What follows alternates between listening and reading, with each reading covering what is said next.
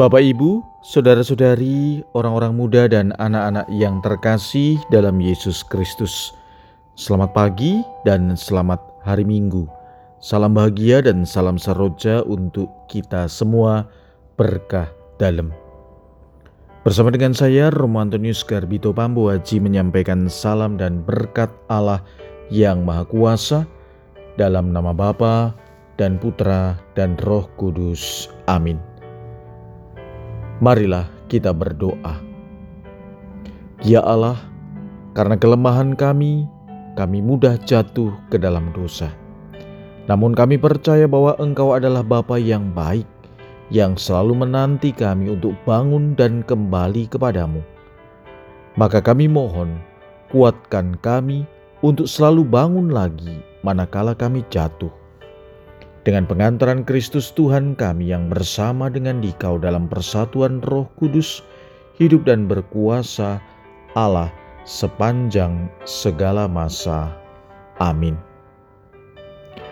Hari ini Minggu 27 Maret kita memasuki hari Minggu Prapaskah keempat. Gereja mengajak kita untuk bersuka cita Bacaan pertama dalam liturgi hari ini diambil dari Kitab Yosua bab 5 ayat 9a dilanjutkan 10 sampai dengan 12. Bacaan kedua diambil dari surat kedua Rasul Paulus kepada jemaat di Korintus bab 5 ayat 17 sampai dengan 21. Dan bacaan Injil diambil dari Injil Lukas bab 15 ayat 1 sampai dengan 3 dilanjutkan 11 sampai dengan 32. Marilah kita mendengarkan Injil suci menurut Lukas. Para pemungut cukai dan orang-orang berdosa biasa datang kepada Yesus untuk mendengarkan Dia. Maka bersungut-sungutlah orang-orang Farisi dan ahli-ahli Taurat. Katanya, ia menerima orang-orang berdosa dan makan bersama-sama dengan mereka. Maka Yesus menyampaikan perumpamaan ini kepada mereka. Ada seorang mempunyai dua anak laki-laki, kata yang bungsu kepada ayahnya, Bapa, berikanlah kepadaku bagian harta milik kita yang menjadi hakku. Lalu ayahnya membagi-bagi harta kekayaan itu di antara mereka. Beberapa hari kemudian anak bungsu itu menjual seluruh bagiannya itu lalu pergi ke negeri yang jauh. Di sana ia memboroskan harta miliknya itu dengan hidup berfoya-foya.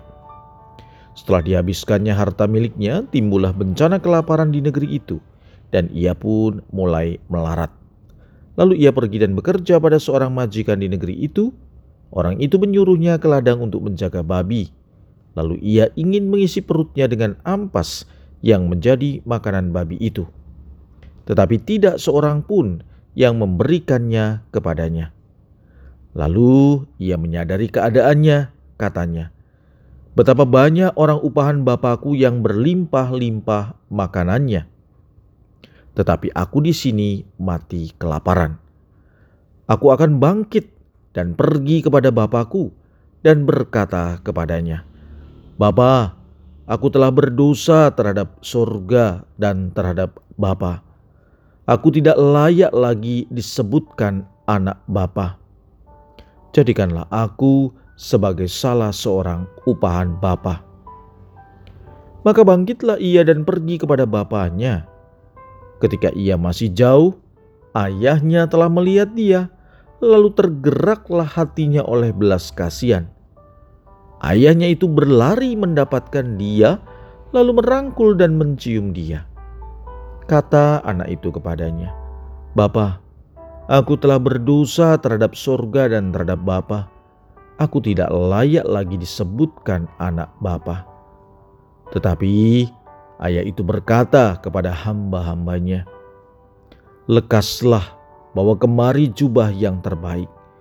Kenakanlah kepadanya pasanglah cincin pada jarinya dan sepatu pada kakinya. Dan ambillah anak lembu tambun itu, sembelilah dia dan marilah kita makan dan bersuka cita. Sebab anakku ini telah mati dan menjadi hidup kembali. ia telah hilang dan didapat kembali. Maka mulailah mereka bersukaria. Tetapi anaknya yang sulung sedang berada di ladang. Ketika pulang dan dekat ke rumah, ia mendengar bunyi seruling dan nyanyian tari-tarian. Lalu ia memanggil salah seorang hamba dan bertanya kepadanya apa arti semuanya itu. Jawab hamba itu, "Adikmu telah kembali dan ayahmu telah menyembelih anak lembu tambun karena ia mendapatkan kembali anak itu dengan selamat. Maka marahlah anak sulung itu dan ia tidak mau masuk. Lalu ayahnya keluar dan berbicara dengan dia. Tetapi ia menjawab ayahnya, katanya, Telah bertahun-tahun aku melayani Bapa dan belum pernah aku melanggar perintah Bapa tetapi kepadaku belum pernah Bapa memberikan seekor anak kambing pun untuk bersuka cita dengan sahabat-sahabatku. Tetapi baru saja anak Bapa yang telah memboroskan harta kekayaan Bapa bersama dengan pelacur-pelacur, maka Bapa menyembeli anak lembu tambun itu untuk dia. Kata ayahnya kepadanya, Anakku, engkau selalu bersama-sama dengan aku, dan segala kepunyaanku adalah kepunyaanmu kita patut bersuka cita dan bergembira karena adikmu telah mati dan menjadi hidup kembali. Ia telah hilang dan didapat kembali. Demikianlah sabda Tuhan. Terpujilah Kristus. Bapak, Ibu, saudari, dan saudara yang terkasih, hari ini kita memasuki Minggu Prapaskah keempat. Dalam tradisi gereja, Minggu Prapaskah keempat ini disebut Minggu Letare atau Minggu Sukacita. Pertanyaannya, mengapa kita bersukacita? Karena kita merayakan kemurahan hati Allah yang begitu besar untuk kita manusia yang berdosa. Pertobatan kita menjadi mungkin karena Allah itu murah hati. Pertobatan kita menjadi mungkin karena Ia berbelas kasih kepada kita. Saudari dan saudara, sabda Tuhan dalam Injil yang baru saja kita dengar tentu nggak asing bagi kita. Kita sering kali menyebutnya sebagai kisah anak yang hilang. Kisah ini sangat populer. Anda tentu mengenal dengan baik kisah ini. Dalam kisah ini kita diajak untuk pertama-tama merefleksikan diri kita masing-masing.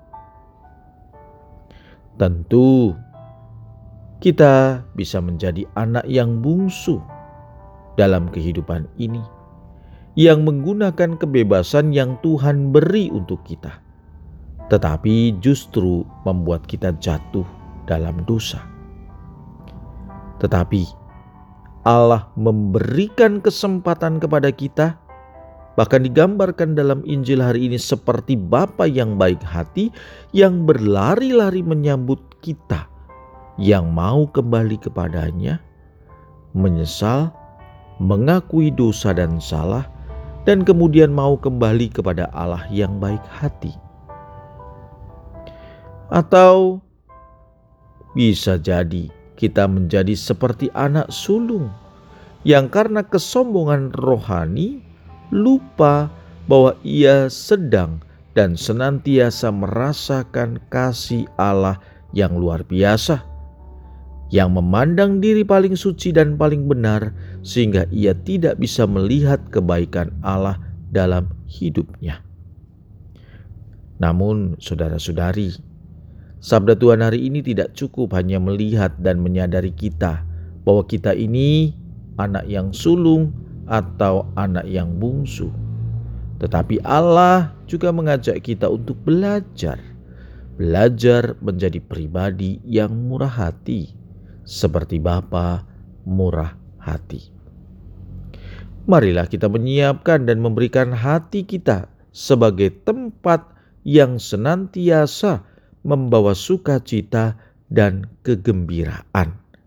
Sebab dengan begitu, kita akan saling mencintai, kita akan saling mengampuni, saling mendukung, dan meneguhkan satu sama lain. Maka dalam minggu sukacita, dalam masa prapaskah ini, mengajak kita bertobat bukan hanya sekedar kembali kepada Allah yang baik, kembali kepada Allah yang murah hati, tetapi pertobatan kita juga menjadi berkat bagi sesama lewat sikap mengampuni, membagi sukacita, mencintai, sehingga banyak orang pun juga merasa betapa baiknya Allah. Marilah kita berdoa. Ya Allah, kami bersyukur karena telah Kau kuatkan dengan santapan sabda putramu Semoga berkat santapan ini engkau menumbuhkan harapan kami akan masa depan yang baru, yaitu hidup abadi di rumahmu. Demi Kristus, Tuhan dan pengantara kami.